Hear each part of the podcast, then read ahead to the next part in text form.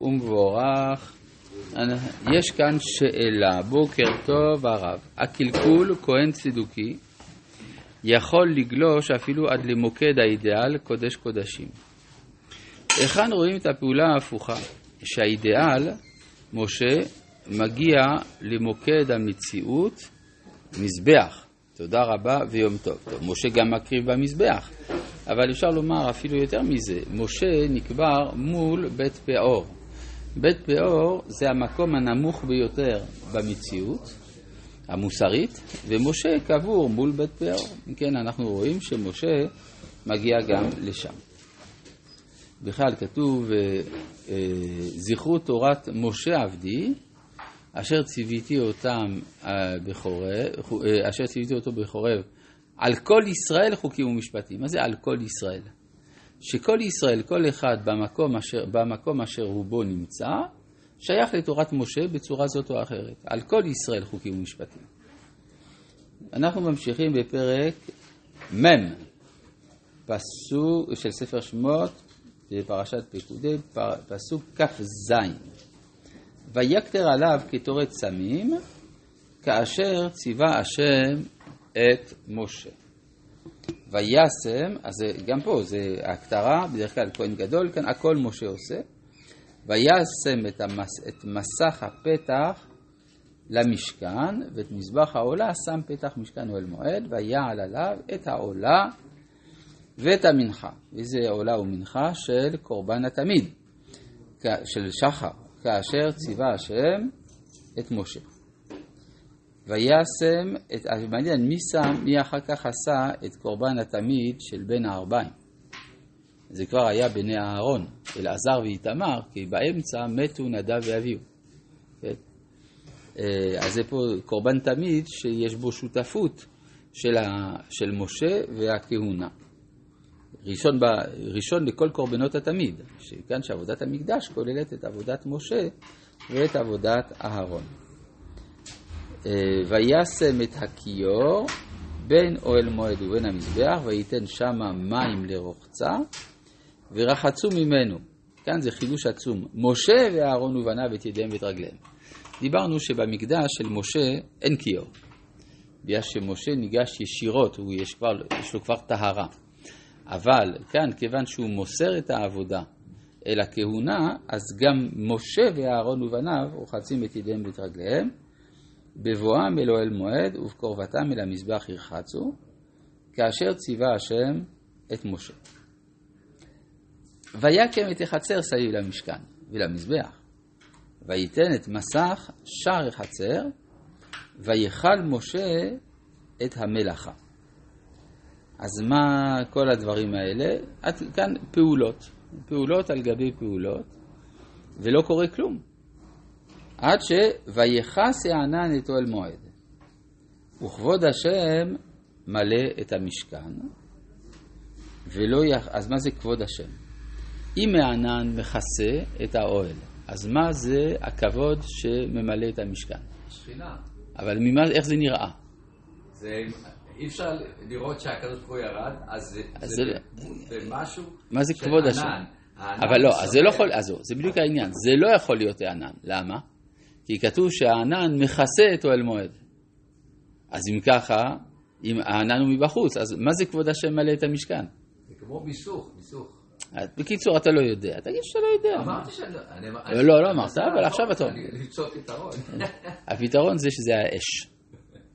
כן, הרי היו שני עמודים הולכים לפני העם, עמוד הענן ועמוד האש, אז פה הענן מכסה והאש בפנים. ואז זאת אומרת, "ו- וכבוד השם מלא את המשכן, אז זה אש שממלאה את כל המשכן כולו. כן, לא רק על גבי הכרובים. יש אש, אז מי איך משה יכול להיות שם? הוא לא יכול, זה בדיוק מה שכתוב, שלא יכול משה להיכנס. כן, לפני זה זה נקרא משכן אוהל מועד, ופה יש הפרדה בין אוהל מועד והמשכן. נכון, נכון. מה ההבדל פה? שהענן מכסה את אוהל מועד, ועוד השם מלא את המשכן. יש לך תשובה? אין לי תשובה. אני צריך לעשות הכל. טוב. אבל התשובה היא ברור, ברורה מאוד. ולא יכול משה לבוא אל מועד, אל אוהל מועד, כי שכן עליו הענן, וכבוד השם מלא את המשכן. ואיך המקדש לא המשכן לא נשרף? מי אמר שזאת אש שורפת? הוא מראה כבוד השם כאש אוכלת בראש ההר לעיני כל ישראל. משה ניגש אל הערפל.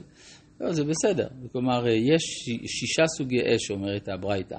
אש אוכלת אש, וכל מיני סוגי אש. יש אש ששורפת, אש שלא שורפת. כן, אז, אה, אבל, אבל אי אפשר להיכנס למקום שמלא בשכינה. עכשיו, זה דבר מעניין, כי אצל היוונים למשל, המרכז של, ה, של העיר, או של העיר מדינה, כל, כל, כל עיר הייתה מדינה, המרכז זה מה שנקרא אגורה. מה זה אגורה? זה הכיכר המרכזית. ו... כמו שער העיר. לא, זהו. אצלנו העם בתנ"ך נמצא בשער, אבל, אה, והשער הוא מבחוץ, או קרוב אל החוץ. להקבלת האורחים. זהו. אה, לא רק זה, הבית דין יושב שם. לעומת זה, אצל היוונים, איפה, מי שנמצא באגורה זה העם. כן, למשל באתונה יש מקום, הכיכר המרכזית, שם העם היה נאסף, ושם היו מקבלים את כל ההחלטות. מה עם המקדשים שלהם? הם באיזה גבעה צדדית. אצלנו זה בדיוק הפוך. במרכז של הכל נמצא המשכן, והעם מקיף. זאת אומרת, מדוע? עכשיו, מה הסיבה לכך? בגלל שאצלנו יש מישהו שנמצא שם, אז אי אפשר להיכנס. כן? כלומר, שכינה שורה שם, לכן אי אפשר להיכנס. זה בדיוק ההבדל בין, אה, בין מערכת אה, חברתית שבאה בשביל לתפקד מבחינה טכנית, לבין מערכת שבה שורה שכינה ויש דיאלוג עם מישהו שנמצא שם. כן? אז זה, זה דבר מאוד עמוק, שבעצם החברה הישראלית עניינה להוות כלי קיבול להופעת השכינה. אי אפשר שלא להגיד. לכן משכן, ראשי תיבות, מלך, שופט, כהן, נביא, שזה ארבע המוסדות של החברה הישראלית. מה אתה אומר? משהו שלמדנו ממך, שהרב תמיד אומר שאצל הגויים האדם הוא במרכז, ואצלנו האלוקים הוא במרכז. זהו, אתה אומר דבר מאוד יפה, שבעולם המערבי האדם במרכז, בעולם המוסלמי אלוהים במרכז. ואילו, ואילו בעם ישראל, כפי שאתה אומר בצדק, יש דיאלוג, הקדוש ברוך הוא והאדם נמצאים בדיאלוג, אין באהבה, זה, זה, זה בדיוק העניין. אז באמת ההערה שלך נכונה בהחלט. כן. אז זה מה שכתוב כאן, ולא יכול משה לבוא אל אוהל מועד, כי שכן עליו הענן וכבוד השם מלא את המשכן. ובהעלות הענן מעל המשכן יישאו בני ישראל בכל מסעיהם. כן? כלומר, איך הם, אה, אז מה קורה בהעלות הענן? מה עם האש? האש לא מוזכרת. אז איך זה יכול להיות? אנחנו נראה בהמשך, כי האש בעצם באופן קבוע מופיע רק בלילה, אבל בואו נראה. כי אי אפשר לראות אותה ביום. ביום, נכון, אבל לא רק זה, כנראה שהיא לא הייתה שם, אנחנו נראה עוד מעט את ההוכחה לזה. כמו ביציאת מצרים, גם היה. ביום עמוד ענן, בלילה עמוד אה, אש, בלילה. כן, כן, בדיוק. כן, אבל פה במקרה הזה שמשה סיים את כל המלאכה, אז היו שתי התופעות ביחד. למה? הענן זה, ממה זה עשוי? ממים. האש, ממה זה עשוי? מאש. אז זה שתי מידות הופכיות, מים ואש, חסד ודין, והמקדש הוא איחוד הערכים. זה, זה ההבדל העצום שיש כאן. כן? יש תמיד, יש אש תמיד בתוך ה... אבל האש התמיד היא, היא במזבח. המזבח החיצון. אתה אומר שזה מילא גם את החצר? כן? לא, אבל כתוב כאן, הוא... יכול להיות, אז יכול להיות באמת שזה מה שזה אומר.